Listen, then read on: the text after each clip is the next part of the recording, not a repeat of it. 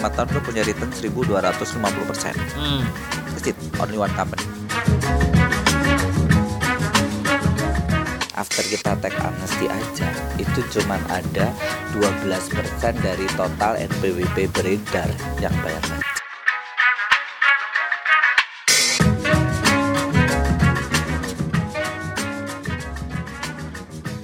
Nah ini pembahasan tadi yang umur 32 ini gue bisa relate banget nih Anak-anak millennials, Ah. ujung millennials awal ya 80-an Yang sekarang tuh disebut bahasanya adalah sandwich generation eh, ah, ini, ini punya problem yang menurut gue lumayan berbeda Serius? Serius, kenapa? Karena you are starting a new family, lo butuh dana yang lumayan besar untuk memulai keluarga baru. At the same time, your parents itu sekarang memasuki usia pensiun, right? Dan banyak dari mereka yang mungkin pensiun tidak dengan persiapan finansial yang baik, Oke. sehingga now you are providing for two families, your own parents and the Yes. new family that you Yeah. are you are starting gitu.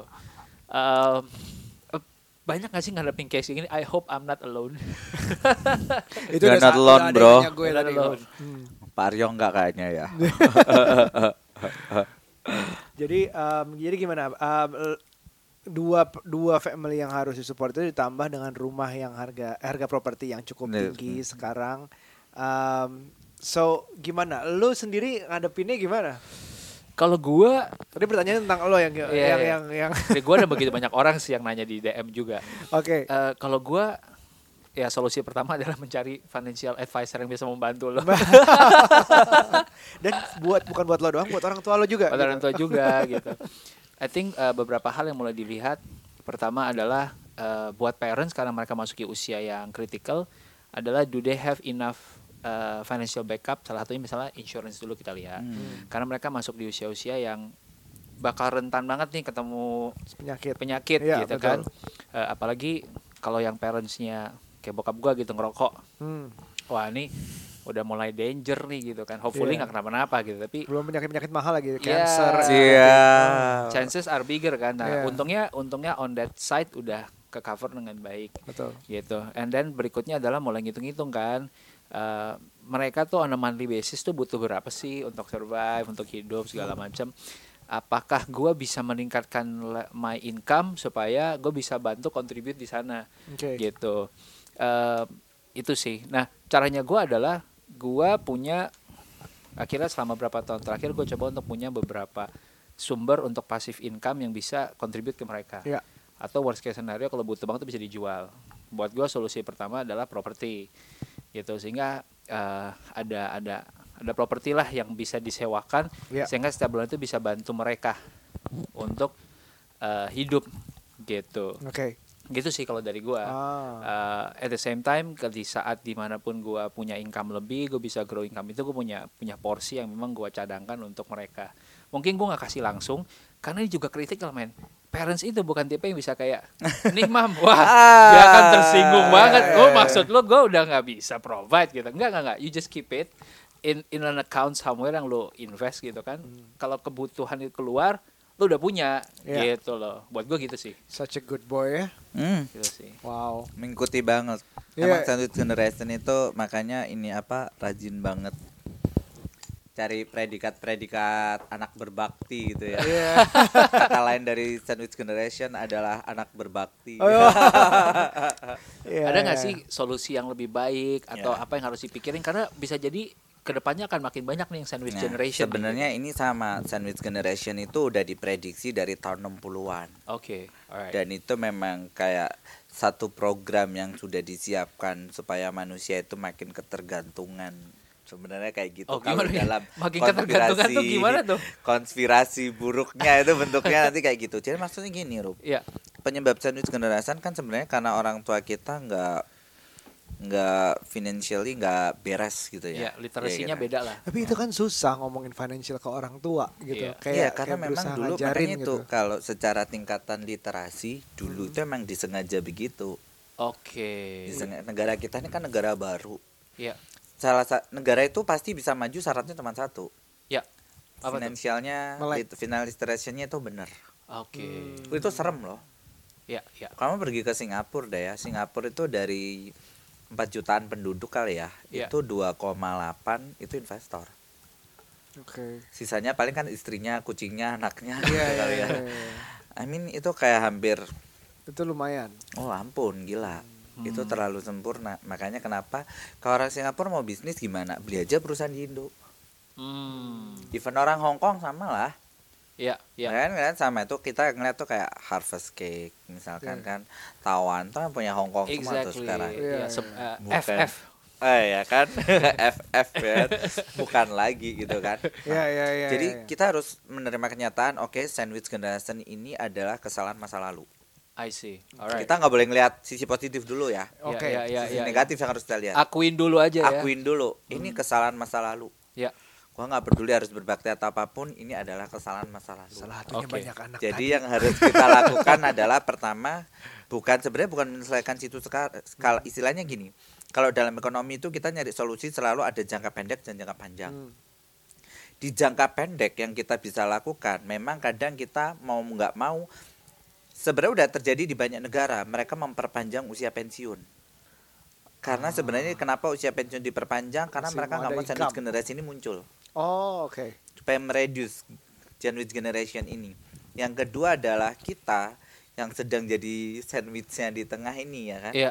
itu harus sudah mempersiapkan dana pensiun dari awal kerja. Dana pensiun kita sendiri ya. Betul. Oke. Dari alright. awal kerja. Oke. Dari awal kerja itu kayak kalau di financial advisory kan itu compulsory goals kan, Ruby tahu sendiri kan Iya, itu iya, ada garis iya, iya. merah, Iya. nggak boleh nggak boleh dilanggar, nggak boleh Hmm. nggak. Kenapa? Karena kalau nggak mata rantai mata rantai ini nggak pernah bisa putus. I see. Nanti anak kita nanggungin lagi gitu kejadian Betul. lagi. Alright. Nanti kamu akan menjadi orang tua yang matre dengan mencari menantu yang kaya gitu kan.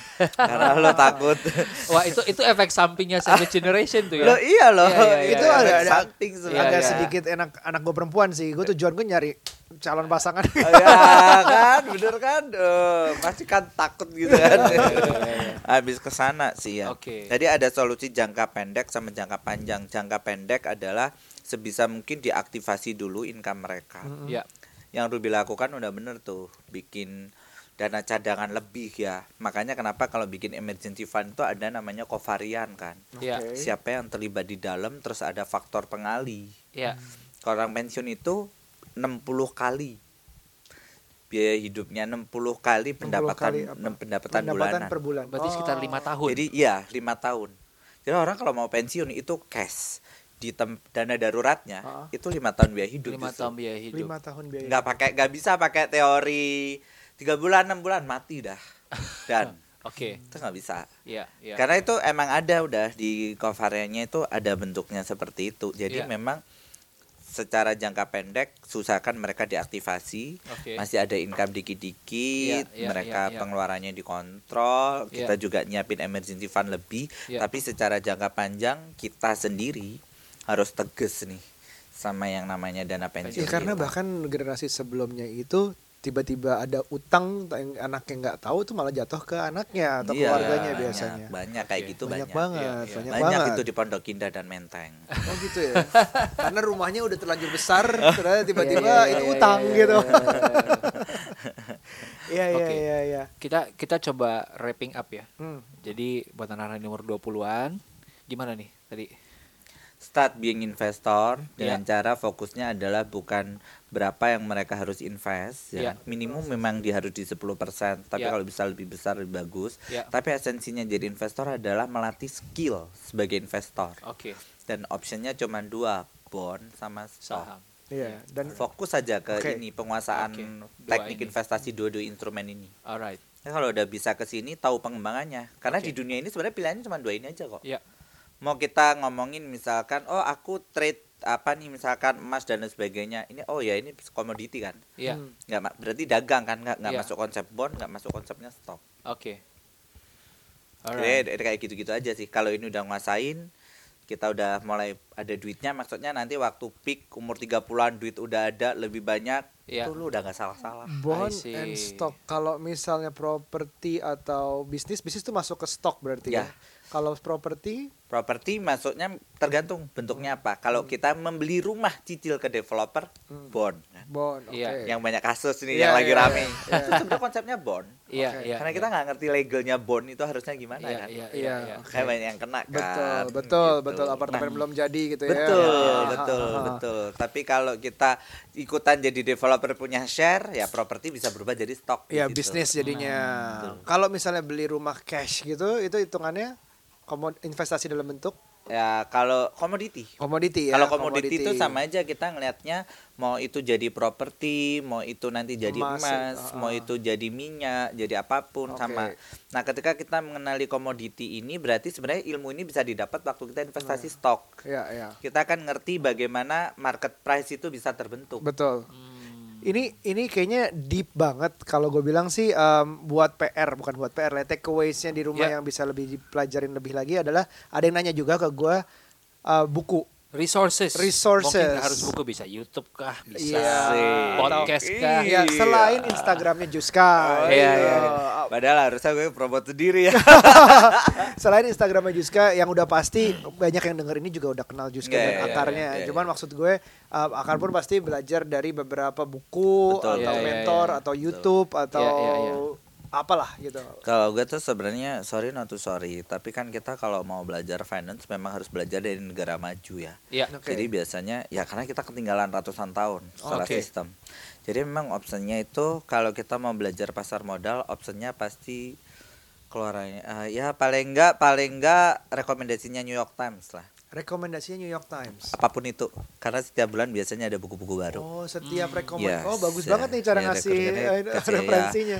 Atau kalau enggak dari Harvard Business Review. Oh iya, itu ya, langganan itu sih. kayak kayak saya selalu bilang ini sementara yang paling proven deh pakai source ini deh kalau untuk pengayaan teori-teori baru bisa pakai New York Times tapi Iya. kalau untuk yang udah serius-serius gitu ya konseptual tuh Iya. Harvard Business Review Oke. Kalau buku-buku ini kan buku-buku yang fresh nih. Kalau buku-buku yang lama-lama tuh ada nggak beberapa yang Oke, oke lah dasar ini kayak banget lah.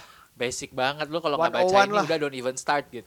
kalau buku paling kuno yang saya baca ya mengenai finance itu justru The Rich Man from Babylon itu buku tahun 60-an sih Ah, Kalau The nggak Rich salah, Man tahu from aku. Babylon. ada apa enggak ya di sini itu buku klasik banget Oke, sih gitu terus, oke, terus itu ada lagi. bercerita bagaimana menjadi orang kaya tips sederhana gitu Iya, ya iya, iya. selalu bilang investasi di depan Iya. baru bayar utang Iya, baru iya, penuhin iya, yang iya. lain-lain ya, gitu oke, buku-buku Oke, itu oke, sih Oke.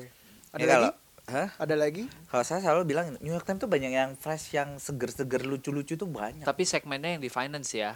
Eh, even nggak finance ya even ekonomi kayak misalkan 2007 itu saya baca The World is Flat Ah, isi Thomas Ah. Friedman. Nah, Iya. Thomas L. Friedman itu pertama saya menyadari bahwasanya saya nggak bisa belajar dari Indo. Betul, betul, pasti. Karena di buku itu tuh clear ditunjukin datanya Iya, kan. iya, iya, iya. Bagaimana ahli ini pindah ke India, Iya, ahli iya, ini iya, pindah iya. ke sini gitu kan. Saya lebih encourage orang-orang sekarang tuh se- sebenarnya kadang kalau yang nanya ke saya kan belajar apa, gue sih bebas ya. Iya. Even di kantor kami tuh setiap hari itu juga berdebat gitu. Kayak yang tiba-tiba eh, kemarin ada yang ikutan Misalkan kan di kantor ini multi background ya. Iya. Ada yang mereka la- ma- ikut cryptocurrency dari awal banget sampai menguasai abis ada. Oke. Benar, Master.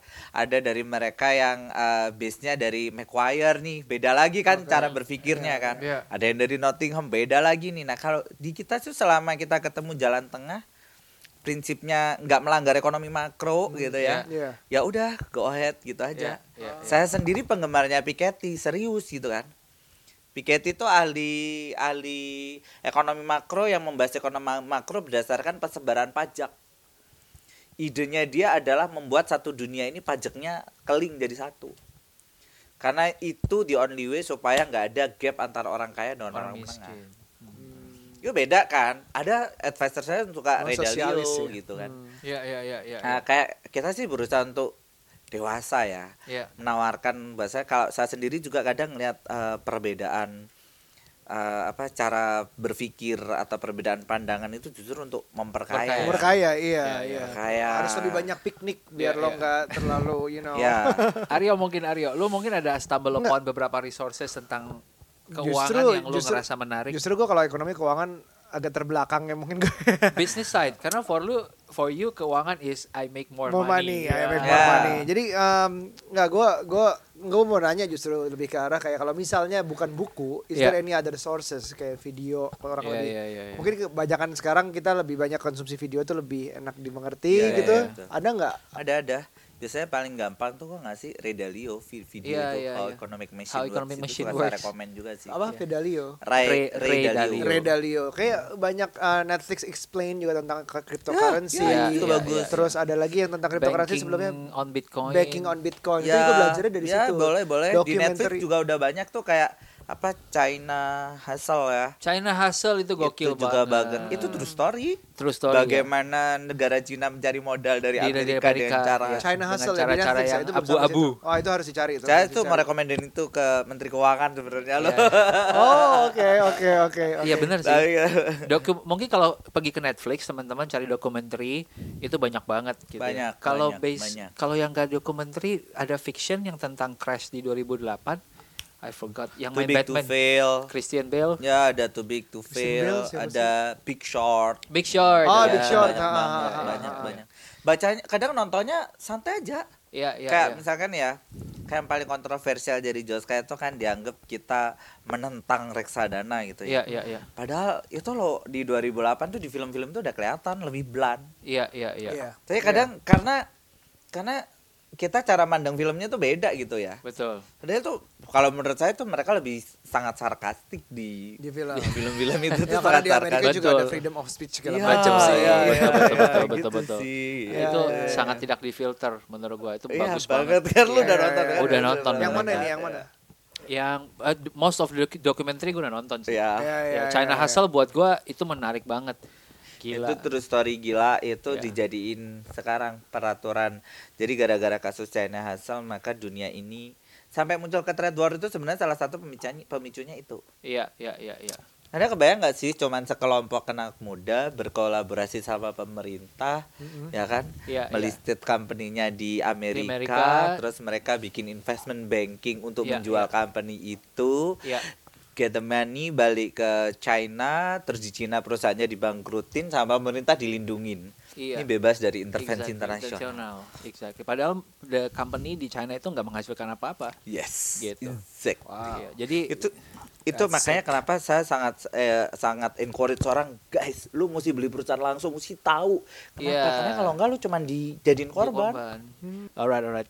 Eh, tapi Nah. teman-teman mungkin kalau mau buat mulai looking at the macro menurut gua very interesting. ya Um, looking at the macro, seeing how economy in the bigger picture works itu gua menarik. Dulu gua waktu sekolah, gua baca buku ekonomi, gua gue lupakan itu. Gue bahkan nggak ingat gitu ya. Sama, sama. Tapi sekarang kebalik gitu. Gue yang mencari-cari I want to understand this gitu.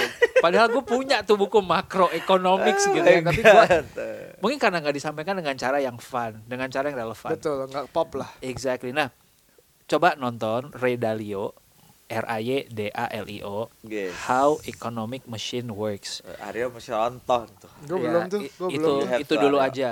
Em, kemudian bisa ngulik lagi lebih dalam kalau mau. Eh, beberapa buku ya. Gua ini adalah salah satu. cintanya Tony Robbins lu kayaknya Eh, gue lumayan cinta Tony Robbins, tapi gue nggak ngerasa dia orang yang sangat capable di dalam finance. ya gitu jadi gua ngedalamin lagi orang yang spesifik finance nah buat teman-teman yang mau ngedalamin saham biasanya kecenderungannya adalah ke- akan kebagi menjadi dua kubu nih orang kubu yang value investing ada kubu yang Trader. trading gitu gua gua nggak nggak bilang mana yang lebih baik karena menurut gua there is a strategy for every different situation itu dua-duanya harus bisa mau Exactly. Gue baru ngedalamin si value investment. Investing. Value investing itu ada beberapa buku. Memang kecenderungannya orang ngelihatnya tuh men- mendewakan Warren Buffett.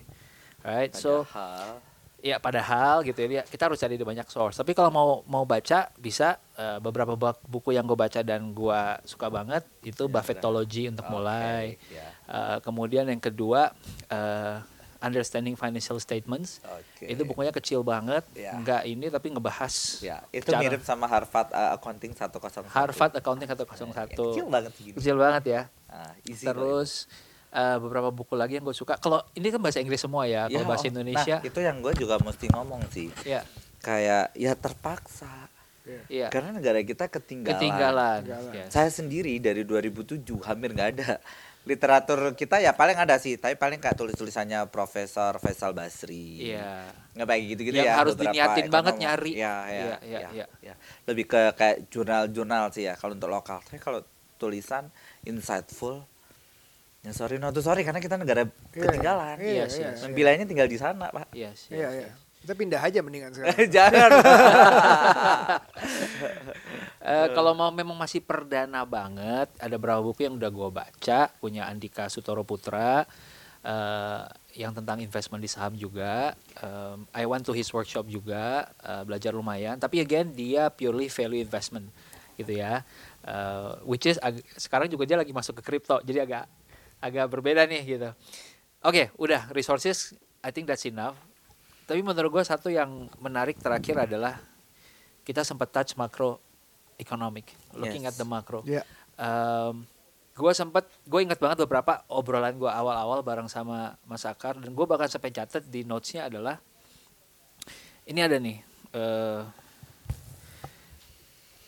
Oke, Eh, oke. Ini obrolan yang udah lama banget. Ya. Tapi gue pengen mem- me- me- mengingatkan kembali, eh, mungkin diceritakan lagi. Waktu itu sempat pembahasan tentang bahwa Indonesia as a developing countries pada ujungnya pasti akan menuju ke eh, developed countries. Sehingga beberapa statistik yang akan kelihatan adalah eh, interest rate kita definitely harusnya semakin lama semakin menurun gitu dan interest rate itu akan ngaruh ke macam-macam. Ini ini ini baru sebagian kecil dari makro nih yang mungkin akan bisa diceritain sama masakan lebih detail bahwa beberapa hal-hal yang sering kita lihat di koran Oh BI hari ini naikin rate, turunin rate. Itu sebenarnya apa sih? Ngaruhnya ke mana sih? Oke. Emangnya emangnya ngaruh ke kehidupan gua gitu. Asik. Nah, ya kuliah ekonomi nah gua Iya. lama-lama. Wow, oke. Iya. Saya Ini- sebelum kuliah ke sana ngikutin nih, Ruby nih. Kalau. Ruby di cryptocurrency, Ruby mesti tahu caranya trade. Karena itu skillnya ada di situ. Even saya Iya. selalu bilang orang Iya. kalau mau beli properti, beli emas itu harus tahu basic skill jadi trader. ya Karena itu pada dasarnya adalah trading. trading. So crypto is okay Eh, If you know how to trade. If you know how blockchain-nya oke, Ya, setuju. kriptonya aku 5% oke, 95% enggak karena Enggak, masih oke. unregulated. Oke, Ah, oke. unregulated Ya kan ini direkam ya. Ya.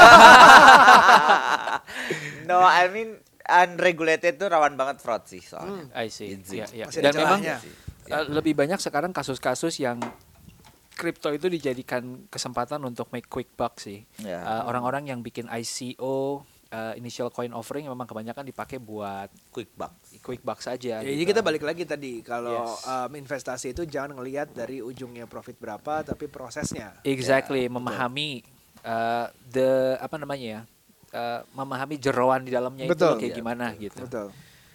Now back to the macro.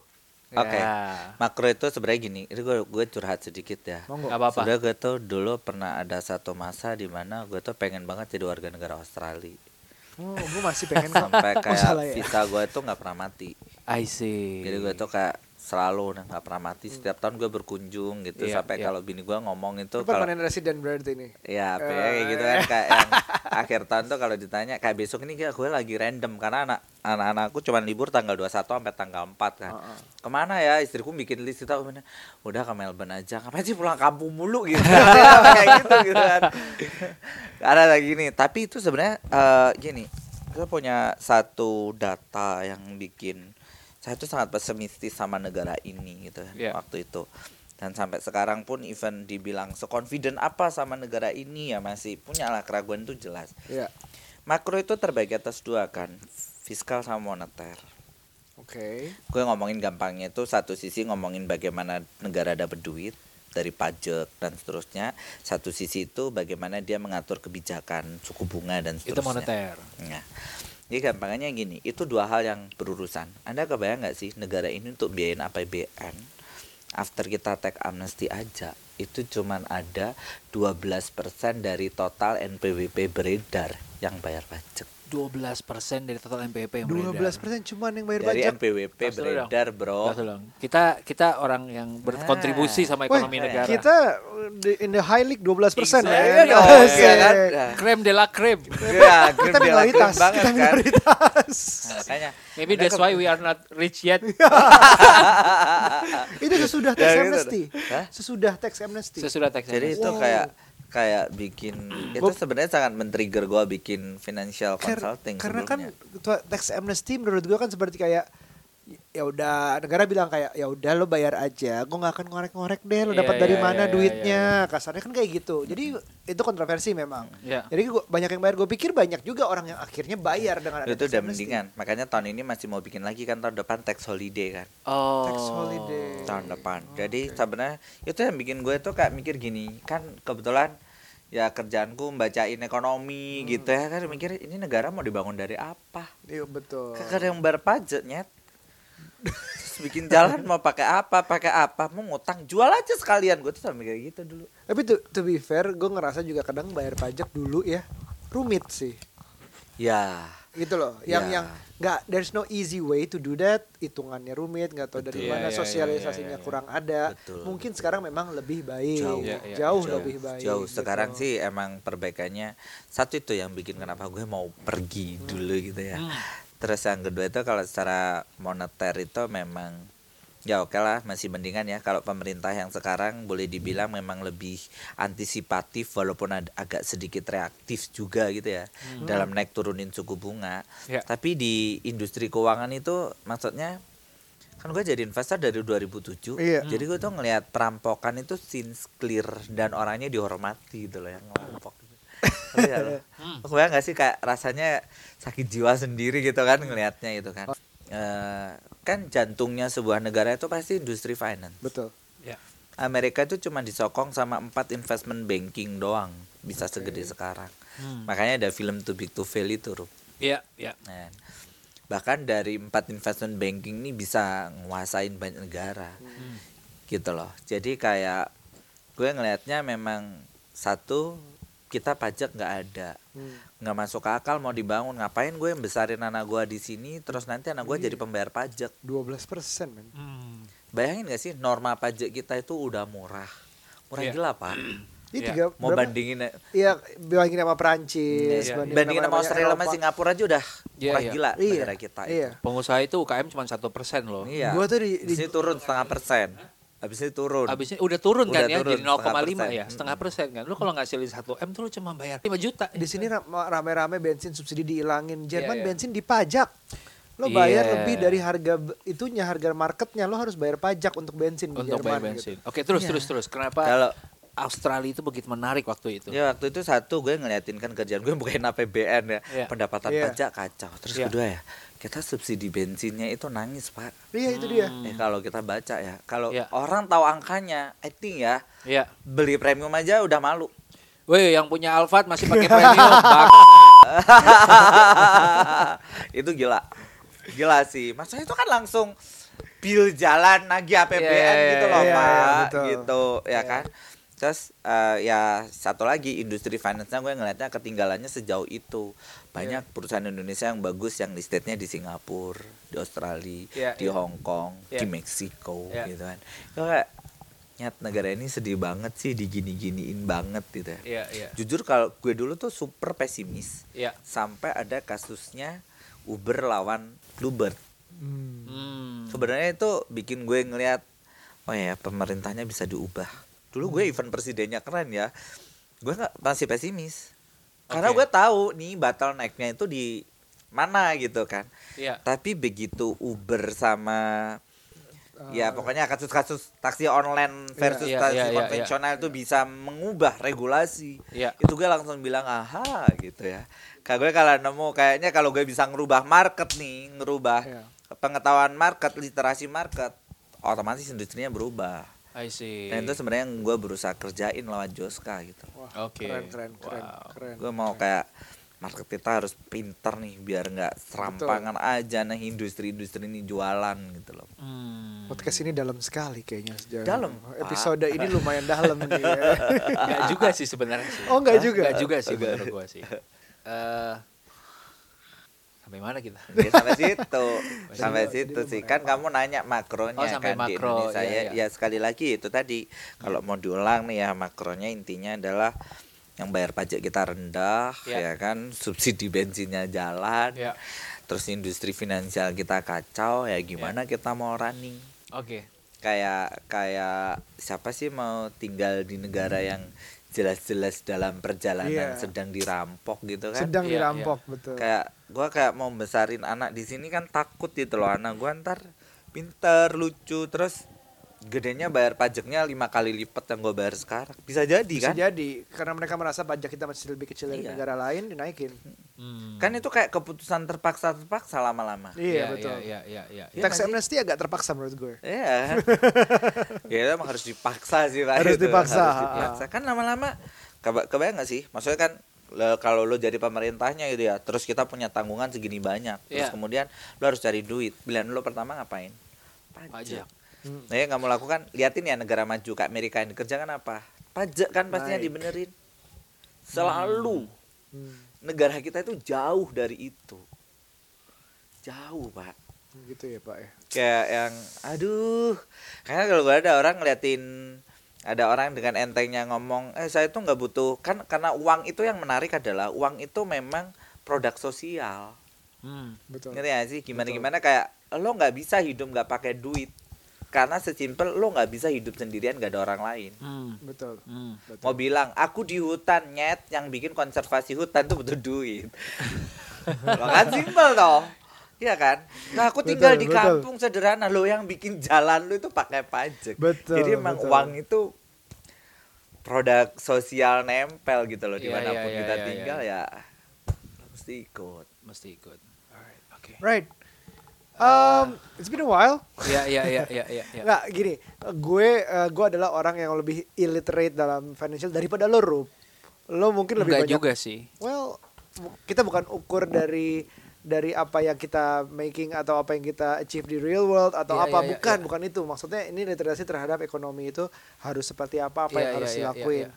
Uh, in a way you you read more than me you watch more than me and you have interest in this kind of thing Mungkin kuncinya itu interest. interest. Ya. Jadi um, podcast ini hadir untuk bikin orang lebih eh coba deh ini ini yang menjalankan suatu negara yang Hmm. membentuk diri lo salah satunya walaupun lo nggak mau dibilang bahwa oh lo mikirnya duit aja bukan itu tapi dasarnya adalah lo harus tahu gitu. Mau lo nggak harus paling pinter terus ngomongin setiap conversation lo adalah sekitar duit bukan Bukan. Tapi lo harus tahu dasarnya at least satu nggak dibegoin dua bisa tahu harus ngapain tiga, Exactly. tiga nggak merusak negara Iya, yang iya, gitu-gitu yang dasar-dasar iya, iya, seperti iya, itu iya, yang iya. harus dibangun jadi gue senang banget uh, podcast ini ada hari ini Iya. Uh, akhirnya ketemu uh, Pak Akar ini yang sibuk luar biasa ke mana-mana nih tapi ternyata nggak sengaja kita sering ketemu di di Berbagai daerah selatan ya. Kira kita sama-sama tipe family yang suka ke Sabtu pagi. oh ya. iya itu itu emas banget buat keluarga sih Iya. Jadi thank you banget waktunya. Gue sih gue dan thank you banget ilmunya. Gue sih belajar banyak banget hari ini. Um, lo gimana Rup? Eh, Lo udah lo udah tahu Udah, dia masih punya- daripada gue. Lo udah tahu lebih banyak daripada gue. still a Jadi, question. jadi waktu gue bilang wow ini podcast ini wow banget bagi dia biasa aja. well, honest. ya. To be honest, yes pembahasan yang kita bahas di sini for me is more into the listeners buat Oke, gua. oke. Eh, apa yang kita bahas di sini melewatin ini beberapa tahun yang lalu. Oke. Which is fair enough karena yang mendengarin ini di 20-an. Gue sekarang 30-an gitu loh ya. Ya gue juga tahu ini ya waktu seumuran mereka gitu loh. Sehingga it's very normal untuk And I'm so behind. Terus Exactly. exactly. Thank you very much for that exactly. Thank you very much. exactly buat anak-anak itu bukan buat lo. Oke, oke. Terus Terus bir. Aduh, ini udah under the influence of that cake. of that cake. Oke. Oke, mungkin mungkin em, supaya teman-teman yang udah make an effort untuk bertanya, eh, mereka punya jawaban. em, kita akan go through a few questions quickly aja. Rapid Eh, fire. Rapid questions. Jadi jawab dengan sesimpelnya Satu, satu kalimat kalau satu bisa. kalimat kalau Asik. bisa gitu ya. Oke, Eh, ya tidak. model gaya-gaya Insta Stories-nya Joska Iya, gitu ya. Alright, kita mulai ya. Ready? Ready. Alright. Kapan kita merasa cukup? Itu cukup. Satu kalimat. Ternyata susah. Daripada satu kata atau kalimat. Ayo. Kapan kita merasa cukup? Itu cukup. Iya. Hmm. Karena paling enggak lo nggak pusing makan apa sama beli baju apa. Asik. sandang Nggak lagi lihat harga. Enggak lagi lihat Ya. harga. Oke. Buku pertama yang bikin suka baca dan bikin haus belajar terus-terusan. Gue pertama baca buku apa dulu nih? Buku finance. Any book. Any book. Any books di Lestari KPBJ. Kapan nih ya? Apa itu? Oke, di Lestari ya. Putri Oke. dan Oh, di Lestari. Jatuh. Gue Iya, punya iya, iya. cetakan pertamanya. Oh, Wow, oke, thank Oke, you. Dan oke, gue oke. hafal beberapa kepingnya. Oh, Oh, wow. Oke. Pola pikir matematika yang dulu pernah Mas Akar bahas di story itu gimana belajarnya? Apa bisa dilatih? Hmm, kebetulan ternyata mantan dosen gue itu sekarang jadi VP di salah satu unicorn di Indonesia khusus untuk analis data. Jadi dia yang Oh. ngajarin gue banyak memang bagaimana berpikir secara matematis. Oke. see. Alright. Ada nggak satu cara pikir matematis yang easy applicable, yang banyak bisa dipakai gitu? Ya, matematika itu adalah cara berpikir bagaimana mencari solusi dengan alternatif sebanyak mungkin dengan cara secepat mungkin, Iya. shortcut gitu Iya. kan, dengan demit serendah mungkin. Ini nyebutnya apa ya? Apa ya? Kalau dalam bahasa sederhana gue nyebutnya apa ya? Cari shortcut sih lebih cepatnya. Cari- Cari shortcut tapi nggak ngawur. Oke, oke. Itu Jadi matematis. Nggak ngawur, nggak melanggar apa-apa gitu. Ada Ya. nggak satu ada nggak satu rumus atau rumusan matematika bikinan sendiri yang selalu jadi acuan gitu? Itu ada pertanyaan kayak gitu di situ. Ada, Apa iya, lo iya, iya, Wow, iya, oke. iya. Kalau gue tuh hampir segini, gue selalu ngelihat semua masalah itu gue masukin ke persamaan aljabar sih. Hmm. Selalu. Jadi semua event pricingnya Joska itu gue cuman ngambil masalahnya, masukin angkanya, sama masukin grafik. That's it. Oke. Oh, wow. Semua. Oke, jadi Hampir kalau semua solusi dalam hidup saya selalu Oke. pakai itu. Oke, jadi, Jadi kalau Aryo datang sebagai pasien punya masalah A B C D, A itu ada koefisiennya berapa, B itu Betul, berapa, C betul, itu berapa, betul, itu betul. sama dengan harganya Betul. berapa. Oh kalau gue Oke. coba dulu waktu gue susah punya anak ke dia ya. Eh. ada matematika Coba dibuat juga. secara matematis. Em, saham yang harga per lotnya di bawah 100 ribu, kalau belinya 3 lot per bulan, dalam 3 sampai 5 tahun prospeknya gimana? Wadaw. Kalau saham sih tergantung lo beli perusahaannya apa. Kalau industrinya lagi sunrise, lagi tumbuh, Indonesia itu negara berkembang ya. Iya. Untuk industri-industri yang sunrise itu contoh ya. Ya, Satu saham yang gue pegang dari 2009 sampai 2014 itu dalam waktu lima tahun gue punya return 1250 persen. hmm, That's it, only one company. oke. Industri apa kalau nggak company-nya? Eh, baju Baju. Yang jualan jarak, PLB dan Oh, iya. udah jelas deh, udah jelas. Oke, deh. oke, oke. baru quit setelah mereka ada Uniqlo sama H&M masuk. I see. Simple Alright, banget. Cara pikir gua simple alright, banget alright, sebenarnya. alright. Oh, smart. Ini pertanyaan yang sangat sharp shoot banget nih. 34 umur 34 cewek single living a good life nggak punya saving at all tiba-tiba dapat inheritance 10 m. What should I do? Eh, Siapa namanya coba? gue selalu semua encourage semua orang untuk jadi filantropis. Filantropis. Yes, Oh. you can do something. Alright. Even uh, uh, saya kan adopsi anak pertama, itu Iya. salah satu langkah Oke. untuk melatih mental menjadi filantropis. Filantropis. Karena filantropis itu memang satu langkah supaya kita nggak terlalu greedy sih, yang Iya, harusnya dilakukan iya, semua iya, orang. iya, iya. Nice, very Oke. nice. Out of that 10 m tuh men- berapa filantropis, berapa mau diapain gitu. Eh, bikin portfolio aja sih filantropisnya 10-20% kayaknya cukup lah. Cukup ya. Satu Sisanya M investment ya. itu. Nah, cuman usahakan filantropisnya yang sustain. I Jadi kalau kita ngeliat bisa kan- menghidupi dirinya sendiri. Yes, Iya. kayak Iya. Steve Jobs dan lain sebagainya semua Iya. dana ininya kan Kayak dikelola bukan lagi. nasi ikannya Iya. tapi masih kasih kailnya Yes. juga ya. Heeh. Apakah saat ini membeli properti masih worth it atau mendingan menyewa atau nunggu sampai kapan? Beli properti sekarang justru lagi bagus banget. Saat dua- baru beli properti 2016. Oke. Tahun 2017 beli beberapa karena memang angkanya lagi turun drastis kan. Oke, lagi diskon Proper- ya. Betul. Lagi- Rumah saya diskon 50%. Lagi nggak Wow. laku ya. Wow. Jadi Terus? kalau yang mau punya rumah karena butuh, it's time. Oke. Alright. It's time. Financially apa yang harus dipikirin di umur 20, 30, 40 dan 50? Bedanya apa? 20 masa buat belajar seperti katanya Ruby ya kan ya. Jadi Iya. fokus lo bukan on return. Fokus lo yang penting you just do it. Oke. Belajar naikin See. skill. Umur 30 baru kita mikirin bagaimana sekaya kayanya cepat cepatnya gitu kali Iya. ya. Generation. Iya, iya. Yes, 40 biasanya sih udah kita mikirin do something more ya. Oke. Gitu. Alright. Gue masih 20 jadi masih belajar lah ya sekarang. Oke. Eh, next question. Um, Ruby itu udah ada 2300 pertanyaan lo bacain semua. banyak 2300 pertanyaan. Sektor apa yang oke untuk investasi saham sekarang? Nah, mungkin ini industri sunrise tadi. Ini nih. rekomendasi banget nih. Iya. Kan Sunrise kan Tapi gue selalu bilang gini, semua orang kalau mau masuk pasar modal usahakan di awal beli sektor perbankan. I see. Ya, karena perbankan itu buat belajar enak banget. Kita Oke. langsung tahu list negatif industri lain dengan cara membeli sektor perbankan. Misalkan gara-gara gue beli sambang, gue jadi tahu kalau beberapa perusahaan palm oil itu bermasalah kreditnya, palm oil itu turun lebih detailnya gara-gara gue beli itu. Itu ada di ada Lapkeo. pasti, ada. Oke. Kan ada di catatan kaki ada pihak-pihak ketiga yang berurusan sama mereka ada. Nama company-nya nggak ada, tapi industrinya ada. Ada. Ada. Oke, alright. That's very good clue tuh. Hmm.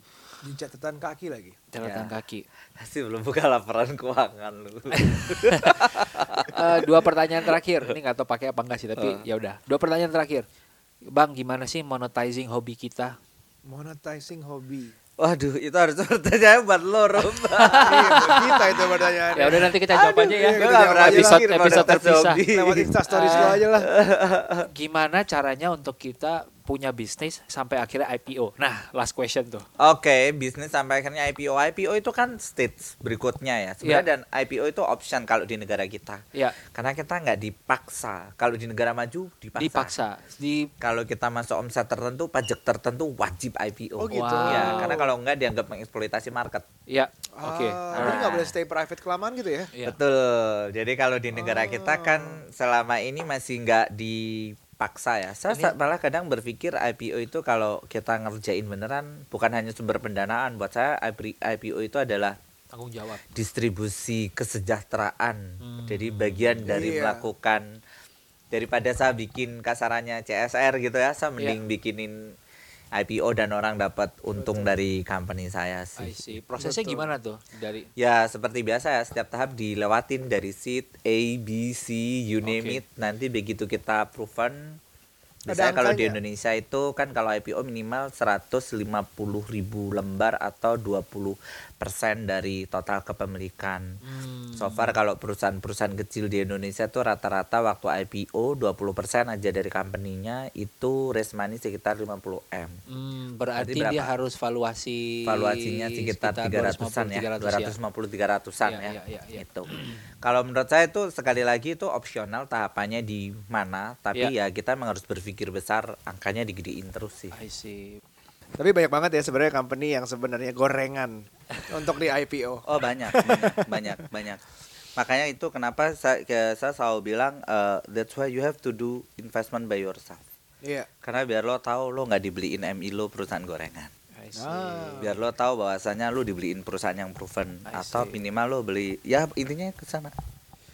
Oke. Wow, podcast Wow. ini sudah berjalan satu jam 40 menit. Jadi Selamat Gila, ngedit ya. selamat. ini. Gila ini editingnya bakal ntar. panjang banget. Panjang potong-potong Tapi- dong. Em, gua gua ngerasa ini akan sangat valuable banget. Em, pemahaman tentang finance itu adalah sesuatu yang merubah hidup gua. Eh, momennya kurang lebih mirip di 2008 2009. Justru ketika krisis itu adalah yang membuka membuat gua melek untuk eh I have to know about this gitu. Gue baca beberapa buku finance yang membuat gua membuat beberapa keputusan yang penting yang sekarang gue bisa bisa dibilang di posisi lebih aman daripada gua nggak melakukan sesuatu waktu itu. Ya lah, So- Ruby aman, aman banget. Tahu persis lo. Oh tahu persis. Oke. Tapi em, buat teman-teman yang di 20-an eh, ketahuilah eh, informasi ini, ilmu ini datang langsung dari source yang very Iya. good. Saran gua adalah langsung act on it. Karena percuma kalau lu tahu tapi lu nggak ngelakuin. Betul. Tiga tahun dari sekarang lu dengerin ini lagi ya nggak ada efeknya gitu. Lu Betul. akan berada di posisi yang sama financially gitu sih. Gitu ya, gitu ya, yuk. Oke. I- I- I've said what I need to say dan I have to di- digest this diulang lagi. Nanti gue gue sendiri akan denger hasil editan lo sih. Oke. Oke. alright, alright, Oke. alright. Teman-teman kalau kalian eh, merasa terbantukan dengan eh, podcast kita ini as usual um, gue merasa bagian finance ini akan sangat bisa membantu banyak orang. Share it to your friend, eh, share it to your future husband or future wife, Betul. share it to your girlfriend, to your boyfriend. Kenapa? Um, kalau kalian berada di posisi yang sama, pengalaman yang sama, jauh lebih enak ketika menghadapi Betul. uh, apa menjalani relationship itu. Bener gitu ya. banget. Uh, itu akan dibahas detail lagi di curhat babu mungkin. Iya iya iya. iya. Um, itu kemudian if you guys have any feedback we are always welcome untuk uh, mendengar cerita kalian di email kita 30 days of lunch at gmail.com atau bisa langsung DM ke Instagramnya Aryo Boleh at Segario. atau ke gua at Felixandro atau kalau mau gangguin Instagramnya Joska atau Ah, Instagram- Instagramnya akar dong. Instagramnya akar. penuh nanti. Instagramnya Akar apa? Akara biasa. Akar biasa A-nya dua di depan ya. Nanti Iya, kan di iya. description ada ya. Yes, Okay. alright. Okay, um, thanks a lot for listening. Uh, this is a very long session, but I hope you guys learn a lot. Enjoy and see you at the next lunch. Bye bye. Bye bye.